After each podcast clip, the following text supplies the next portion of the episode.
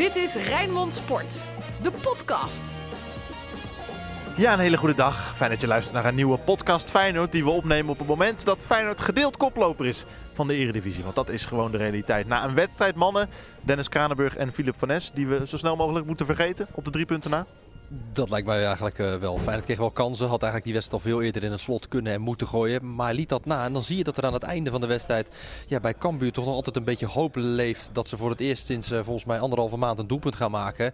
Ja, dat had wel eens een doelpunt kunnen worden dat Feyenoord heel erg veel pijn zou kunnen gaan doen. Nou, gelukkig gebeurde dat niet. En uh, ja, Arne Slot zei het ook al. we winnen hier wel met 1-0. Maar tevreden ben ik echt zeker niet. Hoe erg heb jij zitten billen knijpen, Filip, op de perstribune? Nou ja, billen knijpen niet echt. Uh, want dit Cambuur, ja, het, het, het staat op het veld. Dat, dat kunnen we van ze zeggen. En ze ros wel eens een bal naar voren. Uh, ja, weet je, dan na de hand ga je op allemaal slakken zout leggen. Maar bij de helft van de voorzetten zie je al aankomen dat die bal er nooit in kan. Nou ja, Michael Breij heeft vroeger blijkbaar uh, zijn groente niet opgegeten, want die was een paar centimeter te kort. Anders kan hij zijn hoofd misschien tegen de bal aanzetten. Hij schiet nog een keer recht op, uh, recht op de doelman. Ja, Bijlo heeft niet echt gekke redding hoeven maken. Dus uh, zoveel zorgen maakte ik me ook weer niet. Ja, het kan altijd, maar volgens mij als je deze wedstrijd nog drie jaar had doorgevoetbald, had Cambuur gewoon niet gescoord. Dan was het nog steeds 1-0 gebleven. Rood, wit, bloed, zweet. Geen woorden maar daden. Alles over Feyenoord. Ja man, dan rost uh, Kilinci Hartman die bal na drie minuten spelen tegen de touwen. En dan ga je er eens goed voor zitten. Dan denk je van nou, dit wordt een avondje aan doelsaldowerk. Ja, nou, dat dachten we eigenlijk allemaal. Zeker omdat hij zo vroeg al uh, viel, hè, de vierde minuut van uh, de wedstrijd. Ik moet trouwens zeggen dat uh, Hartman echt wel een uitstekende indruk maakte vandaag op die linksback-positie. Hij zei net bij de persconferentie ook over zijn samenwerking met Paixão dat ook die afstemming er steeds meer is. Hè. Gaat ook steeds meer Engelse woordjes leren, waardoor ze elkaar beter kunnen begrijpen. Ehm, maar wat wel mooi was, is dat ja, hij natuurlijk dat doelpunt binnenschoot. En hij zei ook van, ja, er kwam echt een soort een, explosie van vreugde bij me los. Hij zegt zoveel ontlading dat ik dacht van die is eindelijk dat doelpunt dan uh, uh, te pakken. Uh, ja, wat ik zeg, hij speelde gewoon een goede wedstrijd. Hè. Slot zei ook na afloop dat hij erg tevreden was over zijn, over zijn linksback. En ja, Hartman uh, was eigenlijk wel degene die bij heel veel betrokken was. Hè. Niet alleen dat doelpunt maakt, maar ook zorgde dat er aanvallen uh, in de gang werden gezet. Uh, zorgde de verdediger ook voor zijn werk. dus ja, maakte echt al een, een, goede indruk vandaag van de Quilinci Hartman. Laten we voordat we verder praten over Hartman even luisteren naar jullie explosie van vreugde bij de 1-0 tegen Cambuur. Feyenoord met ruimte aan de linkerkant. Daar gaat Hansko dan ook naartoe. Loopt dan uh, zelf op. Blijft Hartman dus hangen achterin. En Hansko nu aan de linkerkant. Gaat naar Peixau. Dit ziet er goed uit als Peixau daar twee man tegenover zich fit. Gaat tussendoor naar Hansko. Gaat schieten Hansko. Oh, redding van de keeper. In tweede instantie dan. Ja! Hartman. Het is Quilinci Hartman met zijn doelpunt voor Feyenoord. Nadat de keeper nog redding brengt. Hij denkt niet na. En schiet de bal snoei, snoeihard tegen de touwen. En Feyenoord heeft wat het wil. Een vroege voorsprong tegen Cambuur. Ja, Filip, moet er gewoon heel simpel zijn dat dit de winst van deze avond is. Dat Feyenoord een zelfopgeleide speler nu als linksback heeft. Die gewoon het goed doet. En ook de winnende treffer maakt tegen Cambuur. Ja, voor menig buitenstaander natuurlijk ook wel onverwachts. Daar moeten we ook heel eerlijk over zijn. Want ik denk als we uh, een jaar geleden aan een hoop Feyenoorders hadden gevraagd... wie is Quilinci Hartman? Dan hadden ze misschien eerder aan een rapper gedacht dan aan een, uh, aan een voetballer. Lang maar, geblesseerd geweest ja, ook, heel hè? lang geblesseerd geweest. Heeft gewoon twee jaar lang eigenlijk aan de lopende band blessures gehad. Ja, en dan aan het begin van het seizoen was hij gewoon nog niet fit genoeg. Uh, ik kan me nog opstellingen herinneren, want ik heb ook ooit nog een verslag gedaan van uh, een 7-0 wedstrijd uh, in de voorbereiding. Waarin Pedersen opeens linksback stond. Ik heb daar Jorrit Hendricks nog gezien. Ja, ja en, dan, en dan kon hij er uiteindelijk bij komen. En dan zie je toch dat die jongen bepaalde kwaliteiten heeft. Die bijvoorbeeld zo'n Lopez nog niet heeft.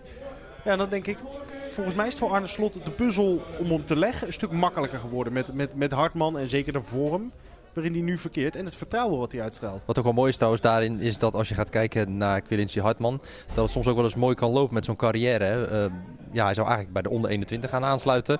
Uh, de medische staf heeft toen ook nog op de rem uh, getrapt, omdat hij juist zo geblesseerd is geweest, omdat ze hem al eerder bij, bij het eerste wilden halen. Maar dan komt er dus een moment dat je dus op zoek bent als trainer naar een linksback. Nou ja, we hebben gezien met Björkan, dat pakte niet uit zoals ze dat hadden gehoopt. We hebben Lopez daar een aantal keren gezien. Ja, en dan nu zien we ineens dat Hartman komt. En ook voorlopig zijn kans dus pakt. Hè? Want hij doet het vandaag ook gewoon hartstikke goed.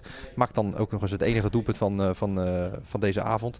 Ja, en dan is het gewoon hartstikke mooi dat er weer een eigen opgeleide jongen doorstroomt. En hopelijk dit ook vast kan blijven houden. En zo door kan blijven ontwikkelen. Jij sprak vanavond, uh, deze donderdagavond, Dennis, met Clintje Hartman. Na Feyenoord Cambuur laten we luisteren wat hij zelf zegt. Over het feit dat hij nu al drie wedstrijden op rij in de basis mag beginnen. Ik denk dat ik het uh, ja, redelijk tot goed heb gedaan. Um, dus ja, kans gepakt. Ja, ik denk wel een beetje. Ja, ja. De trainer al gesproken? Nou, hij zei uh, gefeliciteerd uh, match winnen, dus hij was tevreden.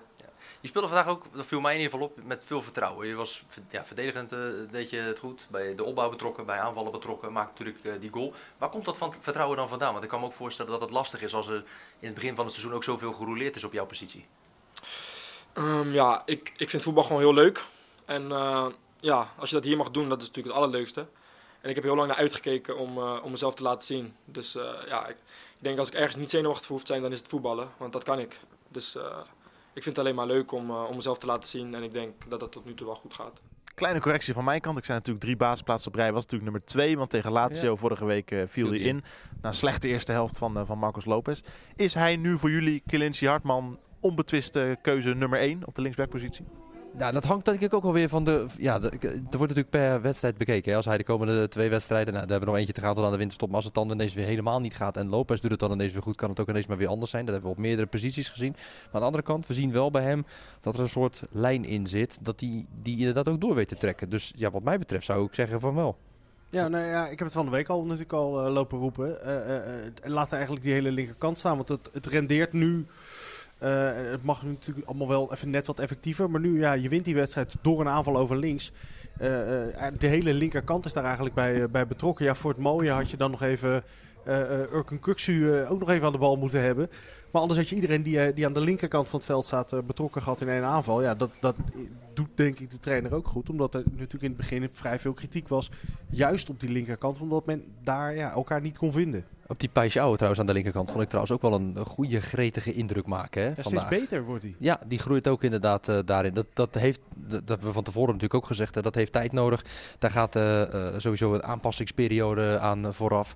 En je ziet ook aan hem, hij is gretig, hij is gedreven, jaagt ook mee, is gevaarlijk met acties. Er komen steeds meer acties ook bij hem vandaan. Krijgt zelfs ook kansen. Had vandaag ook misschien wel een doelpunt moeten maken. Kan hoog springen kan hoog springen inderdaad. Ja, dus wat dat betreft zie je bij hem wel ook dat die lijn omhoog is ingezet. Ja, ik moet wel lachen dat de kansen die hij krijgt, want hij krijgt er uh, tegen Volendam ook al eentje. Hij krijgt ze steeds met het hoofd. En dat zou je niet van hem verwachten. maar hij krijgt ze steeds met het hoofd, dus ik hoop nou toch dat hij een keer een kans met de voeten gaat krijgen. Want volgens mij kan hij dat een stuk beter. Waarom, uh, mannen, kon Feyenoord vandaag niet gewoon afstand nemen van de nummer 17 van de Eredivisie? Ja, dat is een hele goede vraag. Uh, en, en, een lastig te leggen, leggen puzzel. Ja, onwil kun je in ieder geval niet noemen. Want ze hebben het wel geprobeerd. Ze hebben echte aanvallen ook gecreëerd. Ze hebben uh, uh, kansen gekregen. Ja, alleen die gaan er dan, dan net niet in. En dat is misschien ook wel weer iets wat je ziet. Er zijn veel concurrentiestrijdjes gaande. Uh, Dilrosun, Wollemark, Danilo, um, Jiménez. Die, en, ja, ik, ik kan me toch niet onttrekken aan het gevoel dat je dat een beetje gaat zien. Dat als men invalt, men misschien iets te gretig invalt. Te graag wil.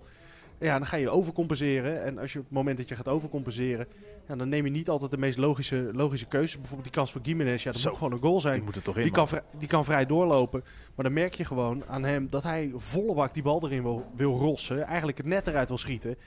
Ja, en dan ga je toch even net te enthousiast uh, lopen tegen die bal aan en ros je hem over. Wat ook denk ik is, hè, het, het kan er soms ook gewoon niet mee zitten. Hè, want je hebt een bal die op de paal wordt uh, gekopt hè, door de Hansko. Uh, er wordt de bal van dichtbij ingekopt. Toevallig dat de keeper daar dan staat. Je had hem meer in de hoek moeten knikken. Aan de andere kant als het dan 2-0 staat, dan wordt het ook gewoon 5-0 tijdens zo'n avond. Dan ben ik bal van de lijn gehaald van Wollemark. Bal van de lijn, ja, van Wollemark. Ja. En wat Hartman daar bijvoorbeeld wel weer goed deed, is die bal hoog inschieten. En Wollemark deed dat te laag, waardoor de redding gebracht kon worden met de, de voeten. aan de andere kant, ik hoorde net ik dacht dat Slot dat zelf ook zei, dat de beste mannen eigenlijk achterin stonden bij Feyenoord. En dat is eigenlijk nooit zo'n heel goed teken als dat ook uh, uh, het geval is. Omdat dat dus betekent dat die jongens voorin uh, dus niet genoeg brengen wat ze zouden moeten brengen. Nou, dat levert dus op dat je dus wel kansen krijgt. Jiménez had er een moeten maken, Danilo had er een moeten maken, Pajal had er een moeten maken, Wollemark had er een moeten maken. Uh, ja, wat dat betreft, dan heb je het al over vier doelpunten sowieso al die je bij kunt schrijven. Nou, als dat niet gebeurt, uh, nogmaals, het kan ook wel eens een beetje tegenzitten met zo'n bal op de paal. Dat kan wel eens een keer gebeuren. De keeper kan er wel eens één tegenhouden. Maar Wollemark bijvoorbeeld had die bal gewoon binnen moeten schieten. De keeper was al gepasseerd. Die had er gewoon zeker in gemoeten. En die kopbal van ik meen Pijsjouw ook uh, die de keeper ja. tegenhield uh, vlak voor het uh, doel. Ja, die moet er ook gewoon in. Die moet je gewoon in de hoek knikken. Dan staat het gewoon 2-0 en dan weet je deze wedstrijd is in de tas. Dan knikt er, of knakt er iets bij de tegenstander. En dan trek je die wedstrijd gewoon makkelijk over de streep. Laten we even luisteren naar wat de trainer van Feyenoord Arne Slot zei over het aantal kansen dat zijn ploeg creëerde tegen Cambuur. Ik vind inderdaad dat we een paar kansen gehad hebben, maar ik vind niet dat we heel erg veel kansen gehad hebben. Ik vind dat wij, als je thuis tegen een um, Cambuur moet die niet in hun beste fase zitten, misschien voetballen het best wel uh, goed op orde hebben. Maar toch naar de Kuip komen, na een aantal nederlagen ook een systeem hebben aangepast. Dat je dan als Feyenoord in staat moet zijn om veel meer, tot veel meer kansen te komen. En dat is niet gelukt. En, uh, maar goed, uh, ik heb wel eens geklaagd over het feit dat het ons niet lukt om mindere wedstrijden. Dat ik vaak zeg als we beter zijn, vergeten we nog te winnen. Laat staan als we een keer minder zijn. Nou, ik vond vandaag zeker geen goede wedstrijd. En laat dan het positieve zijn dat we vandaag gewonnen. dat is typisch Arne Slot ook. Hè? Dan denk je, oh, hij gaat het nu even kritisch neerzetten. Maar hij nuanceert zichzelf meteen weer. Maar waren het niet. En dan toch weer even de positieve insteek. Ja, maar aan de andere kant, hè, je wint wel. Je bent gedeeld koplopen en je wint wel met 1-0. En ik denk dat je ook wel kritisch mag zijn inderdaad over de manier waarop dat dan uiteindelijk gaat. Want als het hier 4-5-0 had geworden en die ballen er wel had ingevlogen, dan, ja, dan hadden we hier een heel ander gesprek uh, gehad. Maar ja, je mag ook best wel kritisch zijn inderdaad. Als het maar 1-0 wordt tegen Cambuur dat onderaan staat in de, nou, 17 staat in de eredivisie. Al volgens mij vijf weken geen goal heeft gemaakt. Minst scorende ploeg, nou, noem het allemaal maar op.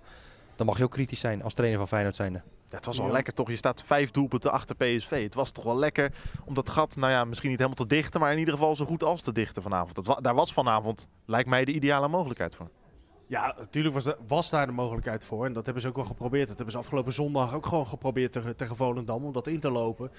Maar ja, het belangrijkste is dat je aan het einde van die wedstrijd wel gewoon met drie punten staat. En dan kun je, dan kun je heel veel bank gaan spelen. Maar ja, dat kan ook valikant misgaan.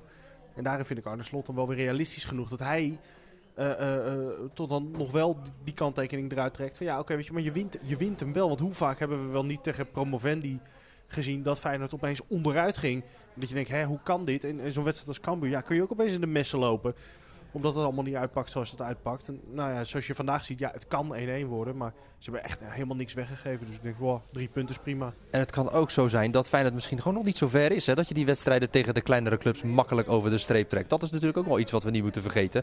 Dat ja, Feyenoord staat gedeeld eerste. Maar ja, zoals ze dat vaak hebben aangegeven. Ze zijn nog steeds een ploeg in opbouw. Hè? Want ze, zo lang spelen al die spelers nog niet bij, met elkaar samen. Dat gaat dan dadelijk hopelijk komen in die uh, WK-winterperiode. Dat die spelers meer met elkaar kunnen gaan werken. Want ja, er zullen waarschijnlijk niet heel erg veel afreizen naar het WK. Dat Feyenoord op dit moment misschien ook nog niet zo ver is dat het wedstrijden gewoon heel makkelijk over de streep kan trekken.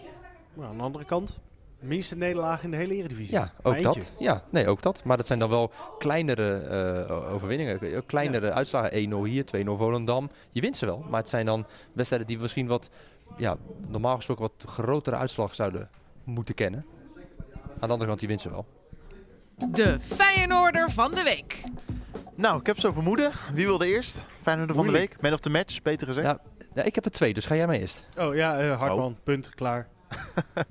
nou, nee, ja, daar hoeven we niet heel veel meer over te nee, zeggen. Verdedigend, nee. verdedigend echt uh, dikke plus. En uh, die goal is hem, is hem gegund. Zeker na zoveel blessureleden heb je dan toch het gevoel. Nou, hè, als, als het dan niemand moet zijn, dan, dan maar Hartman. Maar volgens mij heeft hij ook een bokaaltje en zo in ontvangst mogen nemen. Dus, nou. Staat genoteerd. Ja, ik, uh, ik, deel deze mening helemaal. De andere die ik er graag uit zou willen halen is uh, Justin Bijlo. Omdat ik vond dat hij vandaag ook gewoon weer een goede wedstrijd keepte. Een aantal uh, lekkere ballen pakte. Je ziet bij hem wekelijks het vertrouwen groeien.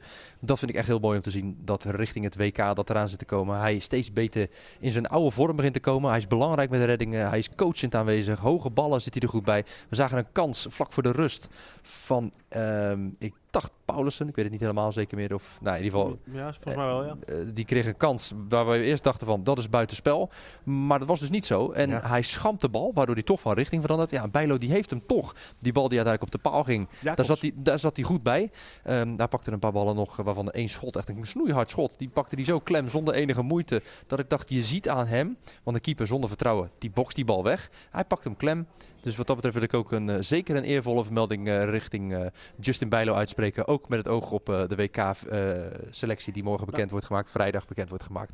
Waarbij ik ja, ervan uitga dat hij erbij zit. En ik eigenlijk ook vind dat hij gewoon keeper 1 moet zijn in Oranje. Ja, ik denk dat de penningmeester er ook wel naar uitkijkt. Want iedere speler die je afleeft krijgt volgens mij 10.000 euro per dag voor. Ja, dus 10.000 euro, ja, zoiets per dag dat het Oh, WK is dat zo? duurt. ja, ja, ja, dat- Simanski, weet je wel, daar ga je geld voor krijgen. En Gimenez er- Gimenez, Hopelijk. Hopelijk. Gimenez dus ook. Jahan Baks, nou ja, daar kun je, die kun je ook al wel invullen. Ja. Dus nou, als je vier spelers hebt waar je 10.000 euro per dag voor krijgt. Ja. Nou, dan kun je op zich best wel weer wel mee. Nou ja, dan, ballen. eh, als ze dan allemaal eh, richting de halve finale komen, zou het helemaal lekker zijn. Dan tikt die meter lekker door. Iran, Mexico en eh, wat er, Nederland-Polen. Ja, nee, ja, als die nou allemaal doordreunen tot die halve finale, die ergens, wat zal het zijn, half december of zo gespeeld gaat worden. Nou, dan ben je een maand verder. Reken maar uit. 30 dagen, eh, nou, plus die voorbereidende fase ook nog toch? Dus eh, minimaal 3 ton de man. Nou, 1,2 miljoen verdiend. Ja, hoppatee, lekker man. Nou, kunnen we toch weer drie keer Frederik Uisnes van halen. Ja, Precies. nou ja, als dat zou kunnen. Nou, die verkoop je weer voor eh, 15 of 18. Ja. Nou, hebben we er zo eh, even eh, gewoon in een seizoen 60 miljoen van gemaakt. Hey. Zo komen we er wel. Ja. Maar mannen, uiteindelijk is Arne Slot natuurlijk niet, niet heel veel spelers kwijt aan dat WK in Qatar met Feyenoord. Hij kan die gewoon nou, een weekje of zes lekker gaan bouwen. Denken jullie ook? Ja, Dat- dat- maar- dat- ja, Ja, zeg het maar Dennis. Ja, ik wil, ja, sorry dat ik, eh, dat ik je tussendoor zit te tetteren. Maar eh Arne Slot zegt ook van als een speler meegaat naar het WK, dat betekent dat dan een speler bepaalde kwaliteiten heeft. Die uiteindelijk doorslaggevend weer kunnen zijn eh, in een wedstrijd. Dat kan dus ook zijn een wedstrijd die hier bij Feyenoord gespeeld gaat worden. En ook van zo'n WK word je natuurlijk gewoon een betere speler. Je speelt met betere spelers, je speelt tegen betere tegenstanders op een heel hoog eh, op een groot podium. Dat speelt natuurlijk ook mee. Hij zegt aan de andere kant, ja, is het ook fijn als ik die spelers hier heb, want dan kan ik met ze werken. Uh, dus het is een beetje dubbel. Aan de ene kant WK, als dat kan, ja, tuurlijk, doen. Aan de andere kant, als hij hier met ze kan werken, is dat natuurlijk ook heel fijn. Omdat hij dan ja, zo op zijn eigen manier kan kneden. Er zullen geen wedstrijden op topniveau gespeeld gaan worden. Er zullen heus wel oefenwedstrijden gespeeld gaan worden. Maar geen uh, uh, Polen-Brazilië misschien wel. Of Nederland-Mexico. Noem maar eventjes wat. Dat is toch even net anders. Weet je wat we voor de aller, allerlaatste keer in een podcast Feyenoord in 2022 gaan doen? Glazen bol. Glazen bol. Komt-ie. De glazen bol. Feyenoord Excelsior, de allerlaatste eredivisiewedstrijd voor Feyenoord en voor Excelsior natuurlijk van uh, 2022. Wat wordt het? Zeg het maar. Nou, uh, vanuitgaande dat PSV mm, zaterdag niet wint van AZ en Feyenoord als koploper deze winterstop ingaat. wil ik toch even gezegd hebben dat Feyenoord tegen Excelsior, ja we zien wel dat die overwinningen vaak klein zijn en toch ga ik hier invullen 3-0 overwinning voor Feyenoord en de eerste goal voor Feyenoord wordt gemaakt door Sebastian Simanski. Ja, ik overschat mijn rol niet, maar iedere keer voorspelde ik een grote overwinning en dat kwam niet uit. Dus Tellen jouw punten nu voor, voor Dennis mee trouwens? Uh, ja, volgens mij heb ik punten voor jou nee, niet verzameld. Oh, doe, dat ook voor hem, ja, doe dat ook voor hem niet dan? Doe ook voor hem niet. Daarom, ja. daarom ga ik nu ook gewoon dit overdenken. Doe ik een kleine zegen, want dan wordt het dus een grote. Uh, ik zeg 1-0 en uh, ik hou wel vast aan Igor Paschal. Nou, mooi. Staat genoteerd. En uh, dan mannen, als, uh, als deze uitslagen uitkomen, gaat Feyenoord dan wel als koploper alleen, dan wel als gedeeld koploper die lange winststop in, overwint het in de Europa League. Dan heeft Arne Slot de zaken toch gewoon perfect voor elkaar. Ja, maar dat is ook wel mooi, hè? Dat je, uh, ik vroeg het net ook aan hem van, uh, had je durven dromen dat je misschien de winterstop wel ingaat als koploper dan wel mede koploper? Toen zei hij, ja, gedroomd wel, al is het altijd nog maar eventjes afwachten of dat dan inderdaad ook de waarheid wordt. Nou ja, het kan inderdaad zomaar gaan worden. De term overgangsjaar is zelfs wel eens uh, gevallen met zoveel spelers die vertrokken zijn, zoveel spelers die er nieuw bij zijn gekomen. Ja, als je dan halverwege gewoon bij de bovenste plaatsen staat, misschien wel op de bovenste plaats staat, rechtstreeks overwint het in Europa, ja, dan heb je gewoon een uh, dikke voldoende volgens mij achter je naam. Ja, ik zou een voorstel willen doen zelfs. Uh, gewoon, uh, oh. na, ja, nee, maar gewoon nog even einde van het seizoen de, de Feyenoord podcast Herbstmeister XXL e editie. Want volgens mij is er over dit jaar zo belachelijk veel te vertellen. En gaat het, gaat het eigenlijk zo boven verwachting goed. Want wie had aan het begin van het seizoen gedacht, toen bijna iedereen verkocht werd, dat, dat we halverwege met een koploper zouden staan die ook even...